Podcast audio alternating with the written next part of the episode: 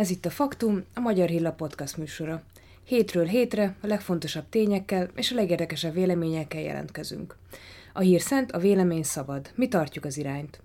Üdvözlöm a kedves hallgatókat, Őri Marian vagyok, a Magyar Hilla főmunkatársa. Mai vendégünk pedig Szántó Miklós, az Alapjogokért Központ igazgatója. Köszöntelek a műsorban. Szervusz, jó napot kívánok! Előre bocsátjuk, hogy itt régi ismerettségünkről tekintettel tegeződünk.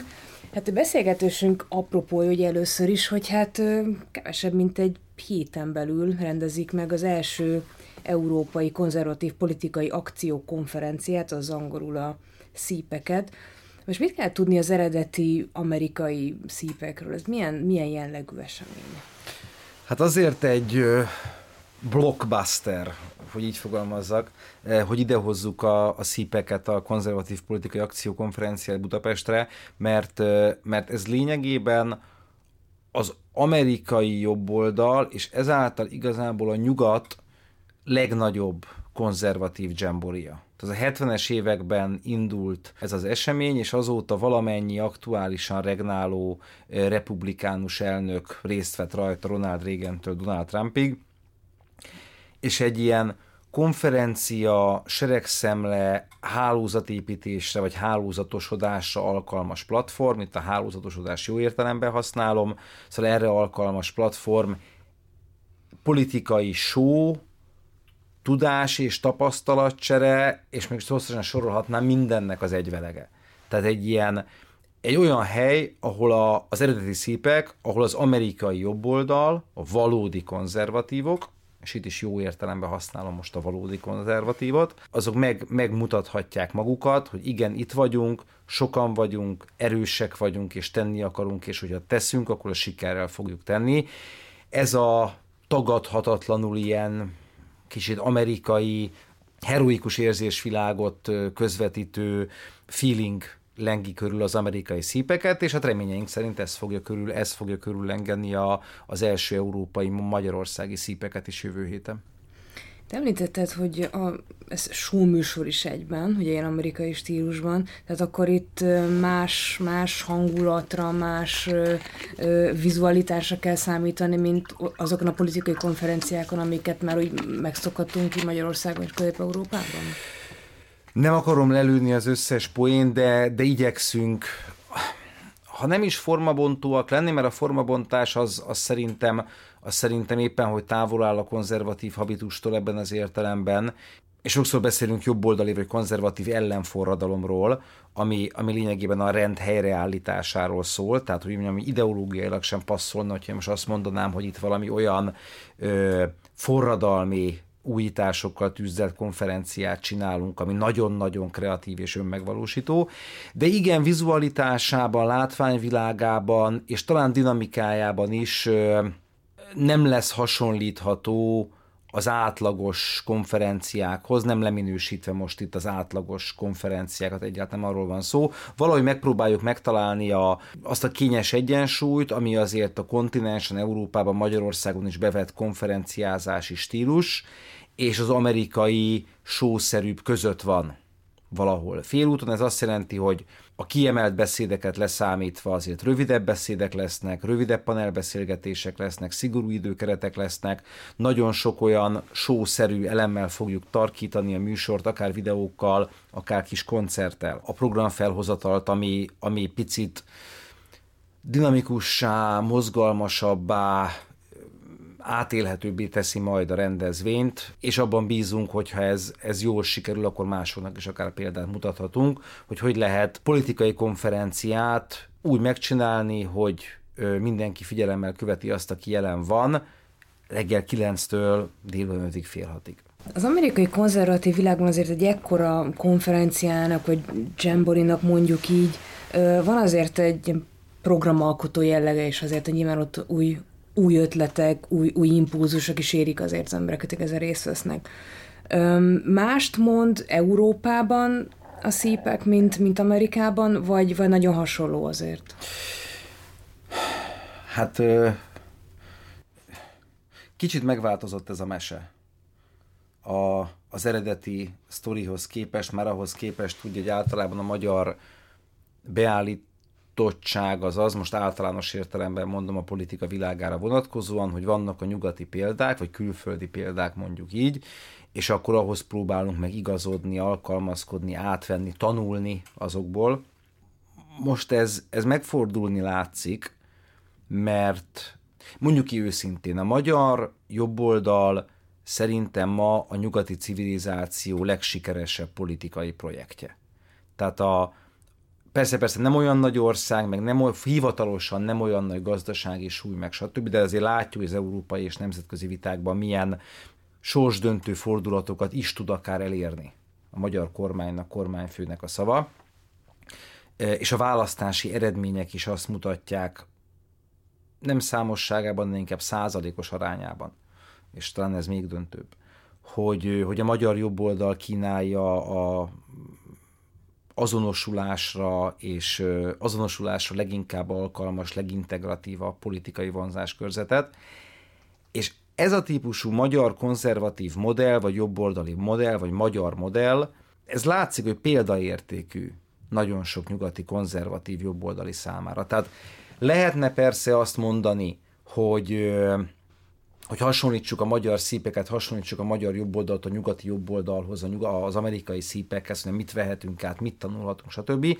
De szerintem, hogy a politikai sikerességet nézünk, és itt most nem, hogy mondjam, nem, nem egyes nyugati politikai erőkről beszélek, mert nem lehet összehasonlítani nyilván az amerikai republikánus tábort, a, akár a magyar jobboldallal, vagy a, vagy a közép-európa jobboldallal, nagyságában, meg, meg intézményi infrastruktúrájában, de az, hogy itt Magyarországon már-már érezhetően, ahogy Békés Marci szokta mondani, a rendszerből korszak lesz, és annyira stabil alapokon nyugvó, jobboldali kormányzás és, és nemzeti együttműködés tud megvalósulni, hogy ez erre a receptre kíváncsiak nyugaton, tehát azt mondanám inkább, hogy a szípek azért is lesz hasznos, mert, mert megmutathatjuk azt a nyugati, külföldi, amerikai jobboldali barátainknak, hogy az, amitől ők szenvednek, vagy ami, ami politikai nehézséget okoz, azt már hát nem is oldottuk meg teljesen a magyar jobboldalon, ez túlzás lenne, de az biztos, hogy a magyar jobboldal felismerte, hogy a demokrácia az nem csak liberális lehet. És láthatóan erre a felismerésre nagyon sokan kíváncsiak nyugaton is. És erről is fog szólni a szípek. Persze mondom tudáscseréről is, hogy náluk Amerikában, Olaszországban, Franciaországban, Spanyolországban mi a helyzet, de szeretnénk megmutatni azt is a rendezvényel, hogy mi már feltaláltuk itt a liberális áfium ellen való orvosságot. Ez jó megfogalmazás, tetszik. Igazából mégis válaszolnék én a következő kérdésem, hogy eszembe jutott, hogy ugye ö, miért pont Magyarországra esett a választás? Tehát ugye látjuk azt tényleg, hogy a, a magyar, magyar kormány politikája az egy ö, példaadó, és magy- tehát Magyarország földrajzi méretén gazdaság is olyan túlmutató jelentősége bíró példa is. Korábban nem merült egyébként fel, hogy Európában más országban tartsanak szípeket? Nem, nem, ö, egész egyszerűen nem, nem volt olyan helyszín, meg olyan politikai család, ami alkalmas lett volna egy ilyen méretű, ilyen jellegű rendezvénynek a befogadására, mert ez, ez azért nem egy ilyen himi-humi, nyűnyögő konzervatívokból álló rendezvény, ahogy ott, ahol ott úgy, úgy leülnek malmozni, amúgy nagy tudású konzervatív eszmetörténészek, és úgy megvitatják, hogy hogyan kellene kinézni az ideál tipikus konzervativizmusnak, ami jellegzetesen nagyon szép eredményekhez vezet, csak akkor sose kerül hatalomba a jobb oldal, hanem azért ez egy, mondom, egy nagyon erőteljes, robosztus, mondjuk úgy nagyhangú rendezvény az USA-ban, amelyhez megbízható jobboldali partner, partnerek kellenek, hogy ezt elvigyék máshova is. És volt már a világon több országban szípek, például Brazíliában, de Európában nem, ez sajnos mutatja az általános értelemben véve az európai jobboldalnak az állapotát, legalábbis annak a jobboldalnak, amiről eddig azt hittük, hogy az, az jobboldal, vagy magát keresztény demokratának, vagy jobbközépnek mondja, de Magyarország felé ez nem csak egy, ez nem csak egy gesztus, hogy itt, itt lesz a szípek, hanem nagyon komoly elismerés is, annak az elmúlt 12 évnek az elismerése amely építkezés itt a hazánkban zajlott konzervatív építkezés, jobboldali építkezés, és erre, erre tényleg kíváncsiak, tehát Van persze egy ilyen kulturális, szellemi, szimbolikus oldala is, ami nagyon-nagyon lényeges, a bátorság. Tehát az, amit a kérdésedben utaltál, hogy persze azért is tudott az Orbán kormány, kormányok sikereseknek lenni, vagy sikeresnek lenni, mert, mert voltak annyira bátrak a magyar jobboldalon, hogy azt mondták, hogy fel kell venni a harcot a liberális nemzetközi mainstreammel szemben, meg kell vívni a csatákat, nem szabad fülünket, farkunkat behúzni és idomulni, hanem ki is kell mondani, amit gondolunk, és azt át kell ültetni a politikai gyakorlatba, a döntéshozatalba, és hogyha ebből vita van, akkor azok a vitákat is vállalni kell, és nem lehet, nem, nem, nem szabad hátrálni. És ezt láthatjuk 2010 nyara óta nagyjából. Nagyon sok vita van Európai Unióval, nemzetközi szervezetekkel, általában a nyílt társadalom hálózatával, de a nagy kérdésekben gazdasági válságkezelés, unortodoxnak nevezett gazdaságpolitikai csomagok, multicégekre kivetett extraadók, rezsicsökkentés,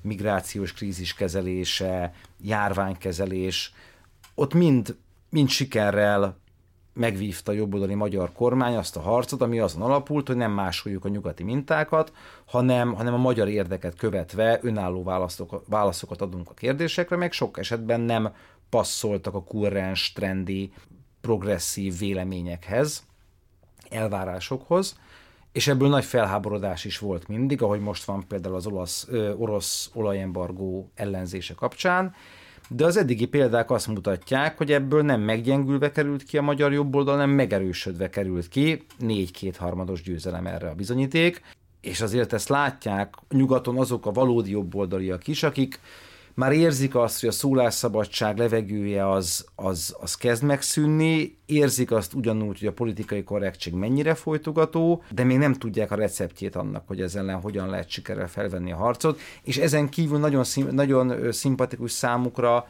amerikai konzervatívok számára is az a családpolitika, adópolitika, foglalkoztatáspolitika, amely Magyarországot jellemzi.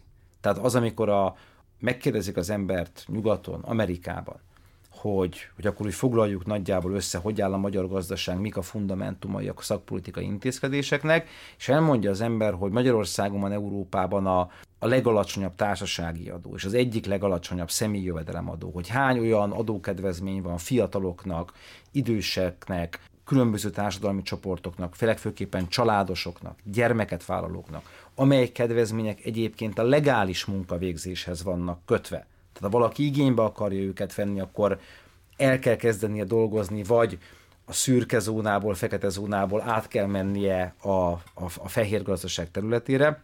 Hát, hogyha ezeket az ember elmeséli egy amerikai konzervatívnak, akkor kb. lefesti álmai országát. Hát egyébként sok mindenben példát is vehetek azért, hogyha megnézzük, milyen törvények vannak, ugye utóbbi időben Floridában például, nagyon hasonló szabályozások, ami olyan, mint a gyermekvédelmi törvény, sőt, akár még egyébként tovább is mennek bizonyos intézkedésekben. Ez így van, ez az egyik ö, gyújtópontja a, a CPEC hungary is, hogy ugye a, a konferenciának a hármas egysége, vagy a mottója az az Isten haza család. Azért, mert szerintem a világ majd minden táján, vagy a nyugati civilizáció majd minden pontján a liberális gőzhenger, ugye ez olyan gőzhenger, ahol elég hát otromba módon összekeveredtek egymással a neomarxisták, meg a, meg a progresszívek, de egy ilyen nagyon furcsa házasság jött ott létre a túloldalon, de ez ilyen az ő bajuk. Tehát ez, a, ez az őrület, vagy ez a szellemi hullám, ami uralja nyugaton a nyilvánosságot, a közbeszédet, a politikát, a sajtót, a gazdaságot, stb. Ez lényegében mechanizmusaival mindenhol ugyanazokat a támadásokat intézi. Mondanám azt, hogy a konzervatív értékek ellen, de igazából a józanész meg a természet törvényei ellen. Tehát az, amikor már nem csak megkérdőjelezik, hogy akkor nem arról szól ma már, hogy mondjam, kultúra ügyileg a vita, vagy vallás ügyileg a vita, hogy persze-persze helye van Európában, nyugaton más vallási tradícióknak is, inkább így mondom, most nem a hitről beszélek, hanem a, a vallásoknak a kulturális kiatásairól. Persze van helye a zsidó-keresztény kultúrán kívülálló hagyománynak is Európában. De az az irány, hogy akkor abszolút törőjük el, és tagadjuk meg Európa meg a nyugat zsidó-keresztény hagyományait, azért egy kicsit sok, és ezzel nagyon sok helyütt szembesülnek. Az, hogy nem pusztán egy alternatíva a kozmopolita világpolgári lét, hanem ma már az a tendencia. Van, az Európai Unió politikája erre irányul, különböző nemzetközi szervezetek hivatalos politikája erre irányul, hogy, hogy bontsuk le a nemzeti identitást és az állami szuverenitást, szüntessük meg a határokat, általában hogy a korlátokat is számoljuk fel a gyermekneveléstől elkezdve a fizikai földrajzi határokig, korlátokig, mert, mert az visz valami utopisztikusan jó irányba. És, és igen, a legújabb innováció, hogy így mondjam, az, a, az nem pusztán a családnak, mint természetes társadalmi intézménynek a relativizálása, erodálása, megszüntetésére irányuló törekvés, az a radikális feministák elkezdték a 40-es, 50-es években, amikor ugye Simone de Beauvoir arról írt, hogy, hogy fel kell szabadítani a nőket az anya szerep alól, mert az anya szerep az egy ilyen rabszolga szerep. De hát most már arról van szó, hogy ezt a gender marhaságot hivatalos tananyaggá akarják tenni gyermekek számára az USA-ban is.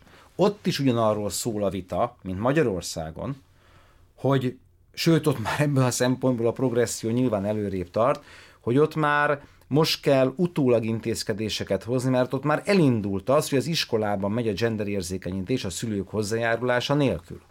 Igen, még szerencsére megelőzésnél tartunk. Igen, igen, a legjobb megelőzés a prevenció, ahogy szokták mondani okosan, de én most csak ö, ironizálok, ami talán nem helyén való egy ilyen komoly témánál. Tehát a hosszú monológomnak a vége az az, visszatérve a kérdésedre, hogy igen, például az USA-ban is genderügyileg ugyanazokkal a problémákkal szembesülnek. Picit ott másképp csinálja a liberális gépezet, mert a körülmények mások, ott már előre haladottabb állapotban van ez az egész woke, cancel culture, meg, meg genderőrület, de maga a kihívásnak vagy a problémának a magja, amivel a konzervatívok szembesülnek, az ugyanaz. Az előbb említett iskolai gender érzékenyítés példája ezt jól mutatja, akár Florida esetében, akár pár hónappal ezelőtt Virginia állam esetében, ott a, a kormányzó választásnál volt ez a fő téma amit a jobboldali jelölt tudom meg is nyert. És ugye azt látják, hogy míg nyugaton a jobboldaliak tipikusan ellenzéki szerepből, vagy ha kormányon is vannak, akkor is a nyilvánosságban egy kisebbségben lévő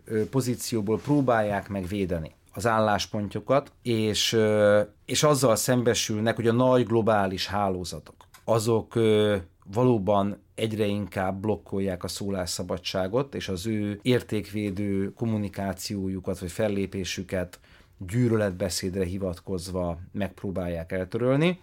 Magyarországon meg ezzel szemben van egy konzervatív reneszánsz, egy jobboldali újjáéledés a médiában, a kultúrában, a különböző társadalmi arrendszerekben, nem csak a politikában. És ezzel példát tudunk mutatni a, akár a szípeken is a nyugati jobboldali barátainknak, és ezért nagyon frusztráltak a lipsik, mert, mert ugye attól paráznak, hogy húha, itt, itt Orbán Viktornak és a csapatának ez sikerült megcsinálnia Magyarországon, mi lesz, hogyha ez a példa ragadóssá válik? Mi lesz, hogyha megismerik itt a dolog csínyát, binyát, és elviszik magukhoz, és ők is megpróbálják. Na ettől nagyon-nagyon félnek. Brüsszelben is, meg a soros hálózatnak az irodáiban is, és máshol is, ezért próbálják meg sokszor lejáratni ezt a, ezt a konzervatív együttműködést, vagy nevetségessé tenni, de igenis a szípek be fogja bizonyítani azt, hogy amit eddig elképzelhetetlennek tartottak, vagy, vagy fogalmilag kizártnak minősítettek, hogy nemzeti erők együtt tudnak működni nemzetközi szinten, azt igenis meg fogjuk csinálni, és éppen azért, mert a liberálisok túltolták a biciklit. Hát igen, ez a Európa urbanizációjának réme, ugye, hogy a politikóban és hasonló helyeken szokott ugye szelbukkanni. Um, mit kell tudni a, a magyar szípeknek az előadóiról? Kik a legnagyobb nemek, a legérdekesebbek? Hát külföldiek, körülbelül száz külföldi magasrangú vendégünk lesz, Itt említhetnék olyan ö, politikusokat, mint, mint Rick Santorum, volt amerikai szenátor, amerikai elnökjelölt, republikánus elnökjelölt, Václav Klaus volt cseh miniszterelnök, illetve köztársasági elnök, Tom van Grieken, a belga flamand érdeknek a pártelnöke, Herbert Kikl az osztrák szabadságpártnak az elnöke, ők is ott lesznek személyesen jelen, de videóüzenetben lesz jelen Santiago Abascal, a spanyol Vox pártnak a, az elnöke, olasz, amerikai, angol politikusok szintén videóüzenettel lesznek jelen, lesz csilei vendégünk, egy volt csilei elnök jelölt, és nyilván még számos parlamenti képviselő, EP képviselő szerte a, szerte a világból, tehát felsorolni is nehéz lenne a sok, sok külföldi konzervatív sztárt, és akkor nem említettem meg még az amerikaiak közül Candice Owens vagy Ben Fergusonnak a nevét, akik, akik óriási nagy sztárok az USA-ban, média személyiségek. Hozzájuk fog még becsatlakozni videóüzenetben Tucker Carlson is, és hát hogy is mondjam, nem, nem elhanyagolható szempont, hogy a rendezvény főszónoka Orbán Viktor Magyarország miniszterelnöke lesz, és, és számosan a kormány tagjai közül is jelen lesznek a rendezvényen. És ráadásul az új kormány tagjai közül is, tehát abszolút előremutató is azért ez a, ez a lista. Így van, itt beszéltünk akár Varga Judit igazságügyi miniszterről, akár Gulyás Gergely miniszterelnökséget vezető miniszterről, akik ugye szerepelnek azon névsorban, amelyet pénteken nyilvánosságra hozott a Fidesz, illetve a kormány, hogy kik, kikből fog állni a, a leendő kormánynak a névsora. Én azt látom, hogy ez a, a kormányalakítás kapcsán azt látom különben, hogy, a, hogy most megvan az a stabilitás és az a lehetőség, hogy amúgy egy jól működő kormányszerkezeten vagy kormány struktúrán belül, vagy annak mentén lehetőség legyen kipróbálni új gondolatokat, vagy új területi igazgatásokat is, gondolok itt most az új tárcákra, vagy az új kormánytagoknak a nevére, akár olyan régiói emberekre gondolunk, mint Lázár János, vagy Navrasis Tibor, akár olyan újakra, mint, mint Nagymárton. De az, hogy egy negyedik kétharmados győzelem után és egy, és egy sikeres kormányalakítás közben a magyar kormánynak a tagjai is kitüntetik figyelmükkel a, a CPEC hangerit, az valóban azt mutatja, és azt üzeni a nyugati jobboldal számára is, hogy, hogy együtterű vagyunk. Hát és mindenképpen Magyarország azért egy nagyon erős képet fog, fog mutatni azért a nyugati vendégeknek. Hát nagyon kíváncsian várjuk, és várom én is uh, magam jövő héten a szípeket. Viszont már ennyi volt a faktum. Köszönjük Szántó Miklósnak, hogy itt volt velünk. Én köszönöm a lehetőséget. És köszönjük a hallgatóknak is a figyelmet, tartsanak velünk a legközelebb is. Ne feledjék, a Faktum a honlapunk mellett elérhető a SoundCloud, a YouTube, a Spotify, a Deezer, az Apple Podcastok, a Google Podcastok és a Simplecast felületein is. A viszont hallásra!